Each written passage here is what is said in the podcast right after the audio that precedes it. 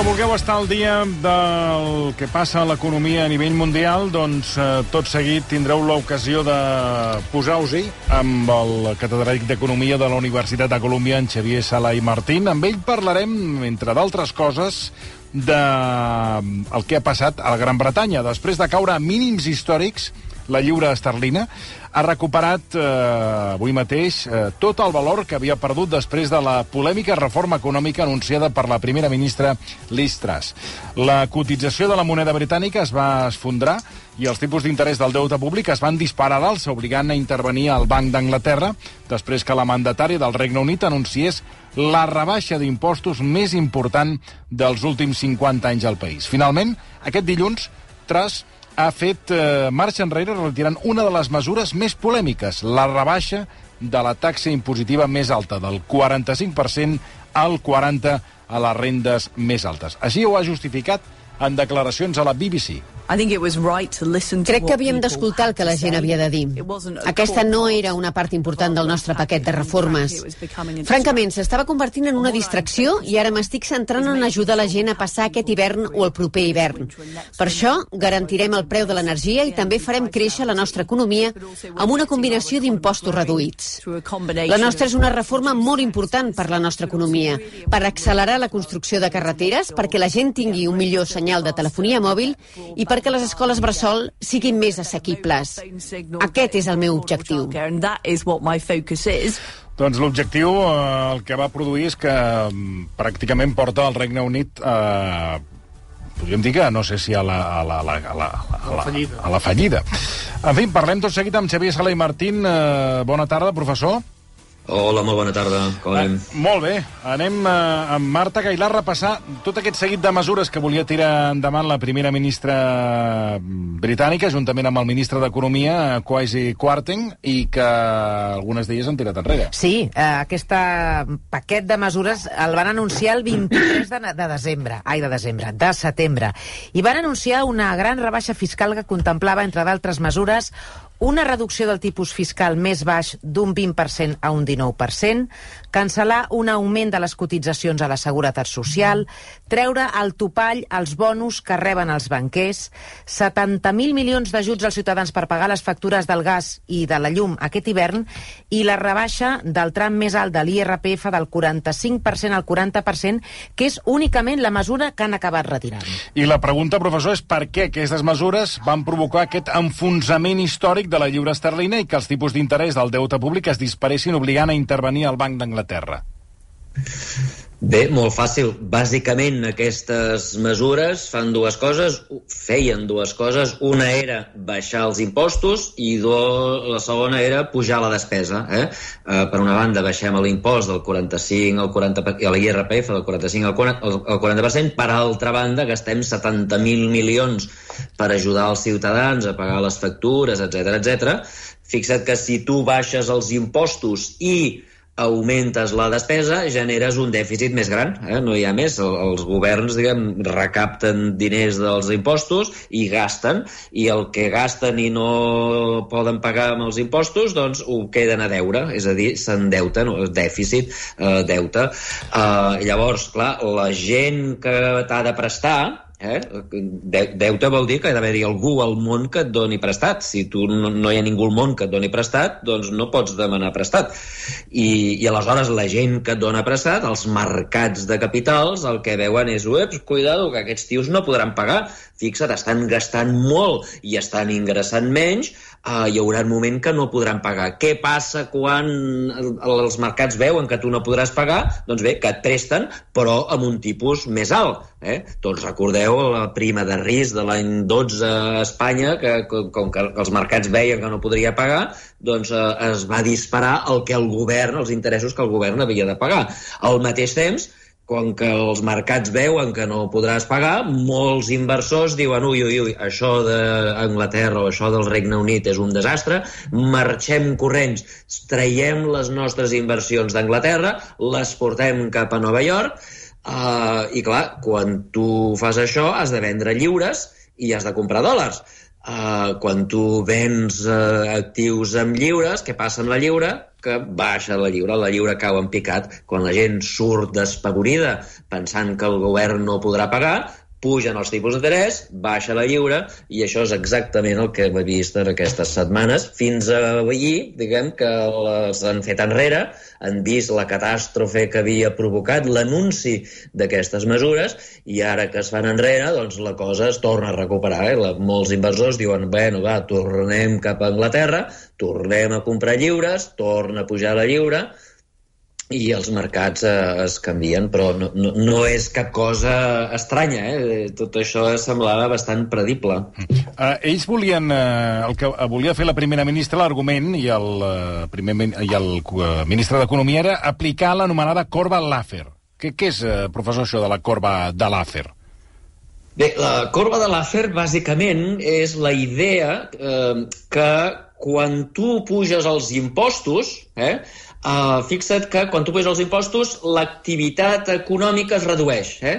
ja sigui perquè gent diu escolta, no, no, puc, no puc pagar impostos per tant tanco la botiga eh? uh, o bé perquè la gent s'escaqueja i diu mira, saps què, en aquest país es paga massa, me'n vaig corrents cap a un altre país no? Um, i això fa que encara que tu pugis els impostos eh, puges els tipus impositius del 40 al 45% um, com que la base impositiva, com que la gent que ha de pagar, doncs s'escaqueja, marxa, deixa de treballar o el que sigui, pot passar, pot passar, no és que passi sempre, però pot passar que puges els impostos i acabis recaptant menys. En particular, imagina que et passes tant que poses impostos del 100%, eh? què et passaria si posés els impostos al 100%? Doncs que la gent no treballaria, les empreses tancarien, les que puguin marxarien a altres països, és a dir, que l'activitat econòmica seria zero. Eh? La, gent, la gent treballa perquè vol quedar-se una part dels diners. Si el 100% s'ho queda el govern, doncs tu no treballes. Uh, I clar, si el govern recapta 100%, però l'activitat és zero, fixa't que la recaptació serà zero, perquè el 100% de zero és zero. Eh? Uh, I, per tant, hi ha un moment que si els, el govern, quan el govern puja els tipus impositius, d'entrada puja la recaptació, però arriba un moment que si el govern es passa massa i posa un impost massa elevat, doncs pot passar que la, que la recaptació, eh, encara que tu pugis els impostos, la recaptació acabi baixant. Eh? I, I, per tant, si tu fas un dibuix de la recaptació eh, en relació als tipus impositius, doncs veuràs que primer puja, eh, a mesura que vas pujant els tipus impositius, primer puja i després baixa. Eh, I aquesta corba és el que s'anomena la corba de Laffer, perquè va ser un, un economista de, de Califòrnia que va descobrir per primer cop i ara té la, diguem, la, la corba porta el seu nom. Eh? Fixa que aquesta corba no diu que si tu baixes els impostos segur que recaptaràs més. Eh? Uh, diu que depèn, depèn. Si els impostos són baixos uh, i tu els baixes una mica, recaptaràs menys. Si els impostos són abusius i tu els rebaixes una mica, uh, recaptarà més. Per tant, depèn, has de mirar, eh? els economistes han de mirar exactament en quina situació està l'economia, en quina part de la corba eh, estàs, i el que passa és que aquesta corba hi, hi ha gent, hi ha gent, diguem, de, de, de radicals d'esquerra, eh, que diuen que és mentida i que, i que sempre, sempre, sempre, quan tu puges els impostos recaptaràs més, cosa que és mentida, eh? ja he explicat que si tu re, eh, imposes els impostos al 100% no recaptaràs res, i després hi ha els radicals de dreta, com els líders de la Comunitat de Madrid, que el que diuen és que si tu baixes i baixes i baixes, doncs no només, diguem, l'activitat econòmica no només puja molt, sinó que puja tant que acabes recaptant més cosa que també és mentida, perquè si tu vas baixant, baixant, baixant i al final acabes amb impostos igual a zero, eh, és veritat que tindràs un, una activitat una, econòmica molt gran, però si tu recaptes 0% d'una activitat gran, doncs no recaptes res. Um, I, per tant, la pregunta és una pregunta empírica, eh? és a dir, eh, en la situació concreta aquesta del Regne Unit, eh, amb els impostos que tenen, del 45%, quan tu baixes els impostos del 45 al 40, pujarà la recaptació o baixarà la recaptació? La veritat és que no ho sabem, s'ha d'estudiar. Eh? Eh, ni els radicals d'esquerra ni els radicals de dreta tenen raó sempre, però algunes vegades tenen raó i algunes vegades no tenen raó. Per exemple, als Estats Units, eh, la revolució fiscal de l'època Reagan, eh, el Reagan va baixar els impostos I, efectivament, va crear un gran boom econòmic, però el boom econòmic no va ser prou gran com per augmentar la recaptació. És a dir, a l'època Reagan va haver-hi un boom, però va augmentar molt el dèficit. Per què? Doncs perquè la recaptació no va augmentar tant com esperaven. Per tant, en aquest cas, tindrien raó la gent d'esquerres. Però, en canvi, si ens n'anem a la França del François Hollande, segur que tots recordareu que aquests homes se li van a l'olla, va pujar impostos al 90% als més rics, i què va passar? Doncs que no va quedar ni un ric. Eh? Famosament, el Gerard Depardieu se'n va anar a Rússia, el propietari de Louis Vuitton se'n va anar a Bèlgica, tots es van escaquejar, i sí, sí, els impostos eren el 90%, però el 90% de zero és zero. És a dir, la recaptació va caure en picat. En aquest cas, qui tindria raó seria la gent de dretes. Eh? És a dir, en alguns casos té raó la gent de dretes, en altres casos la gent d'esquerres. Per què? Doncs perquè és una corba, eh? que primer puja i després baixa. Eh? I depenent de quin costat de la corba estàs, doncs pot passar que quan baixes els impostos la recaptació pugi o la recaptació baixi. I en el cas aquest concret d'Anglaterra, el problema que va tenir la senyora aquesta, la senyora Truss, és que, eh, que va anunciar eh, la, la reforma sense fer un estudi econòmic, sense saber a quina banda de la corba estàvem. Eh? I per tant ella va dir, escolta'm, aquí posarem, baixarem els impostos, pujarà tant la recaptació, eh? pujarà tant que podrem pagar els 70.000 milions per ajudar la gent a pagar el gas, eh? podem gastar molt més sense tenir dèficits. I això no va fer, no va fer cap estudi, no va mirar si estàvem a la dreta, si estàvem a l'esquerra, si els impostos eren massa alts, massa baixos, va fer el primer dia que va arribar la tia sense, sense fer cap consulta, i clar, els mercats van dir, ostres, aquesta dona no sap de què parla, i, i això ens generarà un dèficit escandalós i per tant va, va passar tot el que he explicat abans no? els capitals van com sortir corrents va baixar la lliure, les primes de risc es van disparar perquè van pensar que el govern no podria pagar i la catàstrofe estava servida una catàstrofe deguda a la improvisació Professor, hi ha un equilibri perfecte? Hi ha alguna manera de saber l'equilibri entre el que pots arribar a guanyar, l'impost que pots posar per no diguéssim, ni marxar, que marxin els uns i que els altres, tothom estigui content i poder agafar cèntims? S'ha estudiat, sí, bueno, Sí, sí, sí. És un, un estudi empíric, és a dir, s'han de mirar les dades. Aquest equilibri no és el mateix per cada país, eh, no és el mateix per cada tipus d'impost, Uh, diguem, depèn de la capacitat de la gent d'escaquejar-se. Eh? Els rics es poden escaquejar fàcilment, simplement han de canviar l'adreça en la que viuen, eh? el Depardieu, simplement se'n va a viure a Moscou i s'acaba el rotllo. Vull dir que no, no, uh, la gent que no té la capacitat d'anar a viure a Moscou, doncs, òbviament, haurà d'aguantar mm. uns tipus més elevats. Uh, és a dir, depèn dels tipus impositius, depèn de si posa un impost a l'empresa i l'empresa pot marxar o la seva activitat està lligada totalment a, a, a, la, a la terra, diguem, i no, no hi ha cap manera de marxar, uh, uh, doncs uh, passarà una cosa o una altra. Uh, el que sabem és que no és una cosa fàcil, no, és, no, no hi ha una, una regla que digui mira, a partir del 40% el govern ja s'està passant i si puja per sobre del 40% aleshores recaptarà menys. No, no és una cosa tan senzilla, per això dic que s'ha d'estudiar en cada impost, cada tipus d'impost, en cada país, uh, és diferent i per això requereix estudis empírics complicats. Mm. Ni la senyora Ayuso uh, té raó sempre, Uh, ni la gent d'esquerres que diu pugeu, pugeu, pugeu, té raó sempre. Arriba un moment que estan equivocats i el moment aquest, que és el que vostè diu, senyor Marcelí, quin és aquest moment?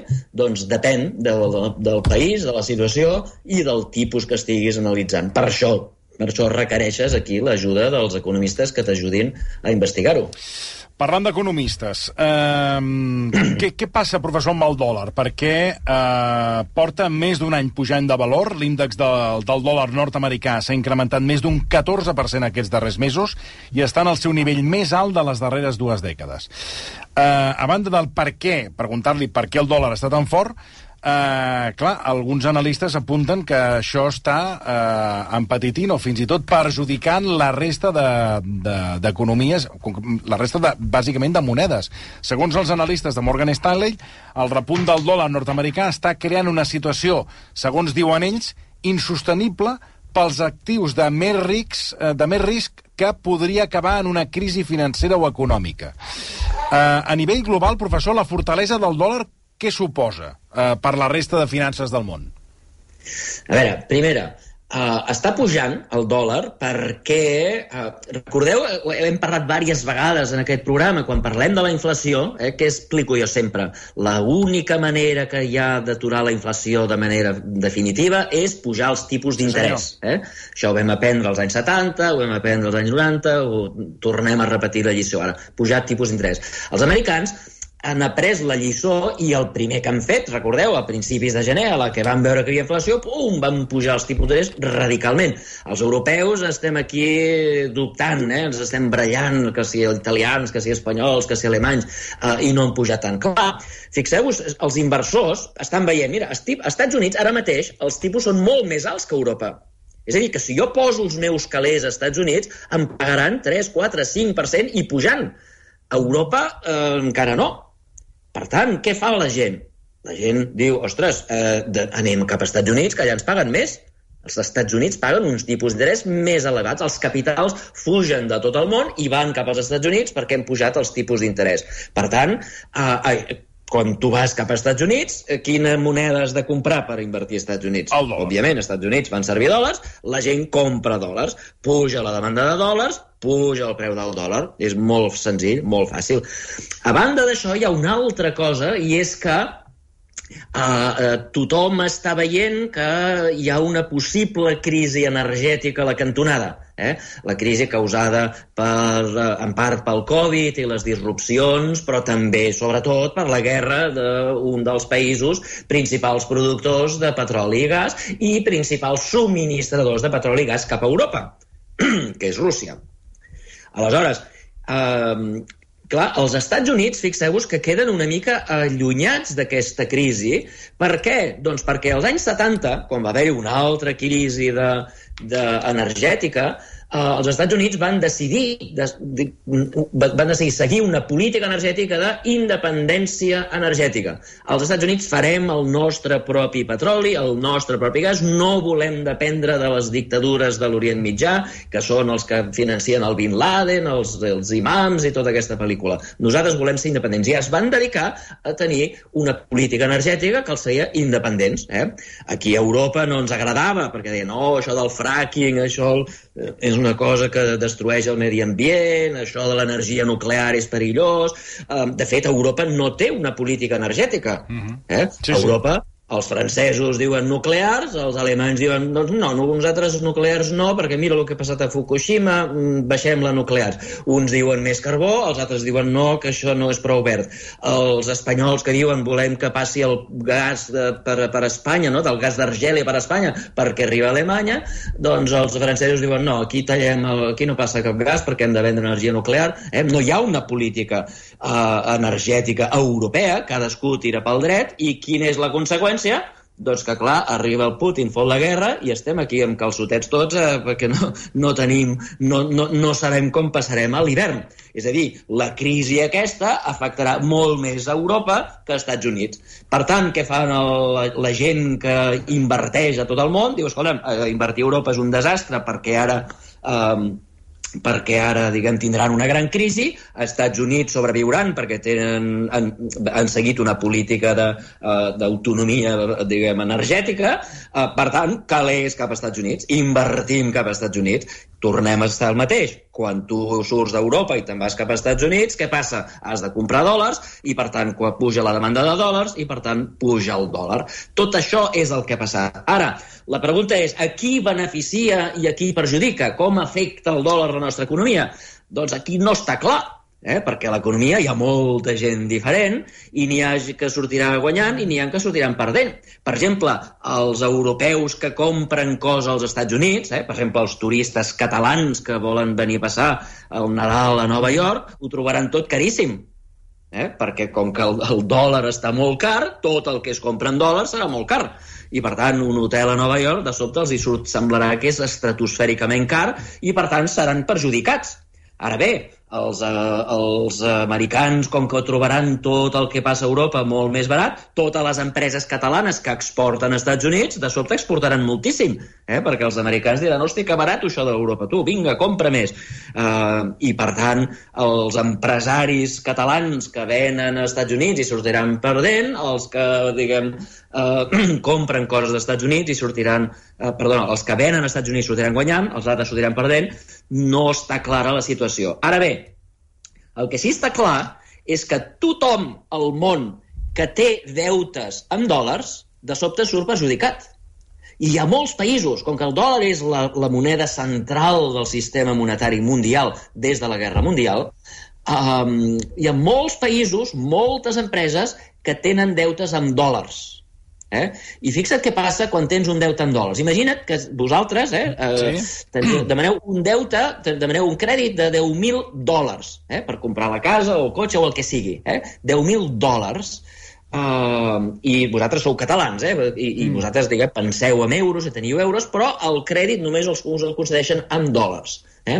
I imagineu que fa, el veu demanar fa 10 anys, o no sé, quan el dòlar estava molt baix, eh? posem per, per fer números exactes, imaginem que un euro valia 2 dòlars, eh? no va arribar mai a tant, eh? va arribar a 1,50, però imagineu que un euro, 2 dòlars. Eh?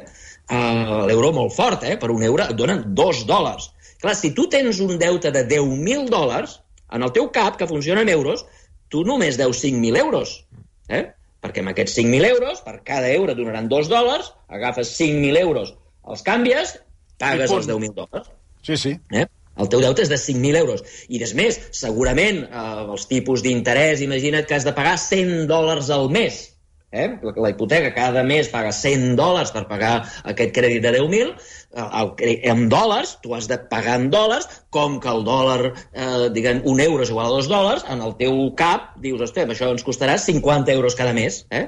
Cada mes agafarem 50 euros, els donarem al banc, ens donaran 100 dòlars i amb això pagarem el crèdit. Fantàstic, no? El que passa que què passa quan puja el dòlar? Per exemple, imagina que el dòlar, en lloc de valdre un euro o dos dòlars, passa a valer un euro, un dòlar, que és la situació actual, eh? la sí. paritat, un sí, euro, sí. un dòlar. Fixa que de sobte tu es segueixes havent de tornar 10.000 euros. Ah, perdona, 10.000 dòlars, eh que sí? El teu deute és en sí, dòlars. Sí. Tu tens un contracte amb el banc que diu tu m'has de donar a mi 10.000 dòlars, valgui el que valgui l'euro. Ara, de sobte, com que ara un, de, un euro és igual a un dòlar, és a dir, el dòlar ha pujat, Eh? Per un euro ja no et donen dos dòlars, sinó que només te'n donen un, perquè és molt més car a l'euro, ai, el dòlar. Uh, doncs fixa't, tu deus 10.000 dòlars, que ara ja no són 5.000 euros, sinó que són 10.000 euros. Fixa't, el deute t'ha pujat, s'ha doblat. I tu ja no deus 50 dòlars, 50 euros cada mes. Tu deus 100 dòlars cada mes. Abans això era 50 euros perquè un euro valia dos dòlars, però ara que és un a un ja no, has, no pagues amb, amb, amb 50 euros, ara has de pagar 100 euros. Fixa't que la hipoteca se't dobla, el que tu acabes pagant se't dobla, el teu deute es dobla. I, per tant, hi ha molta gent a qui se li han pujat els deutes d'una manera brutal, perquè ells paguen amb euros, paguen amb pesos colombians, paguen amb, amb, amb yuans, paguen amb moneda estrangera, però el seu deute és en dòlars, fixa que tota aquesta gent està al llindar de la ruïna. I és per això que hi ha molts, eh, molts analistes financers que diuen, escolta, hi haurà molts deutes que aquí no es podran pagar. I això crearà una crisi eh, que potencialment és una crisi financera com la del 2007-2008 per als impagaments causats per la fortalesa del dòlar.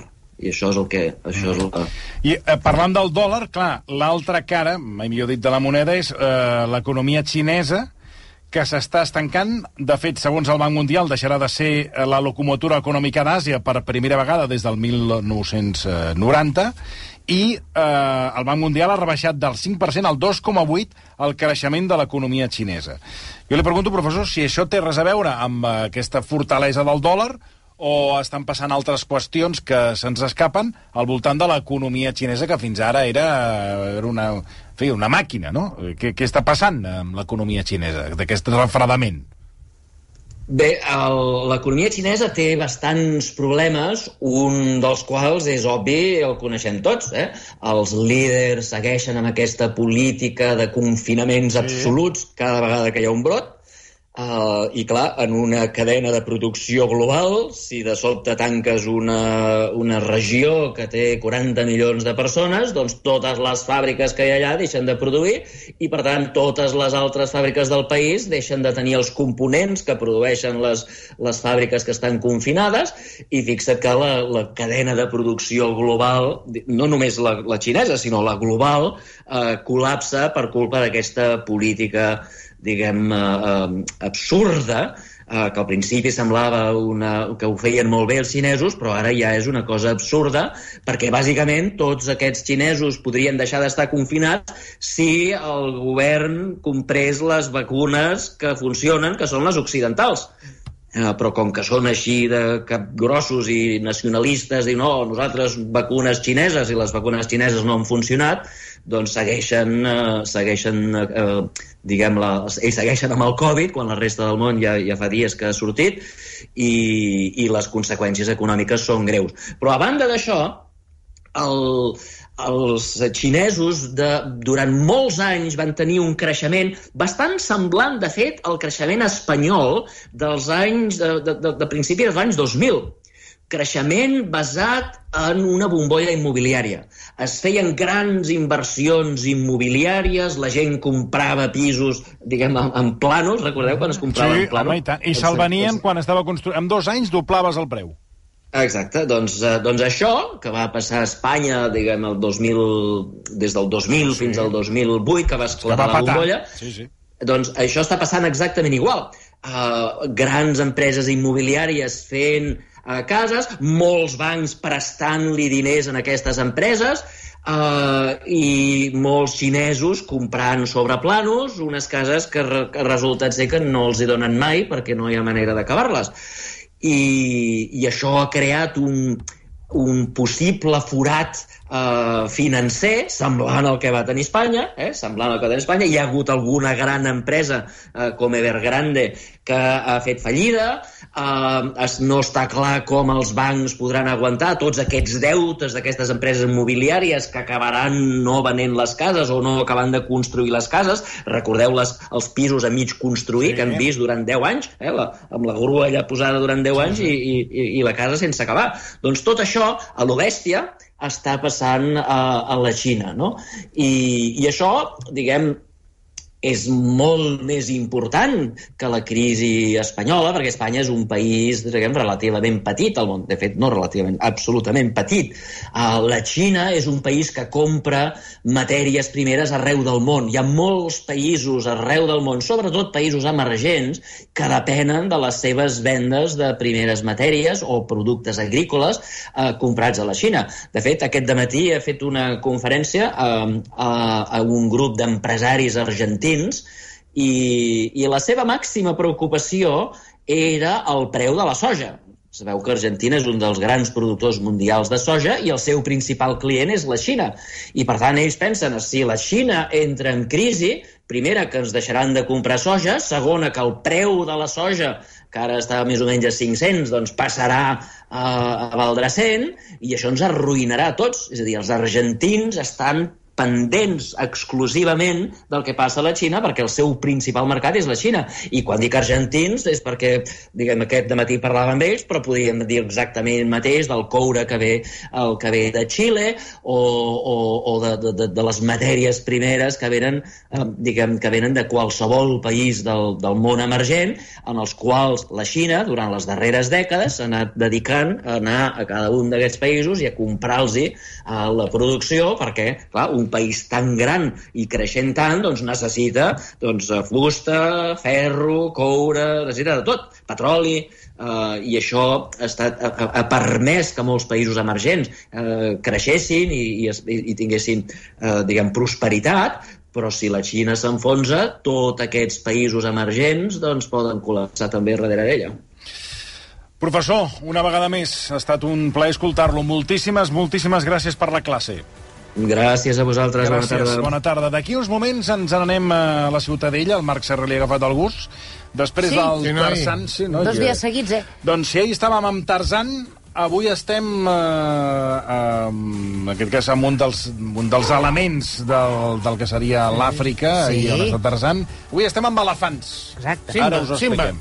Simba. Simba no. Su, eh, eh, no sé, no sé, ara... Bueno, no Tarzan- sí, Tarzan- sí, ah, sí, sí, Tarzan es deia Simba, no? Simba, Simba, sí, sí. Simba, sí. Versió RAC 1.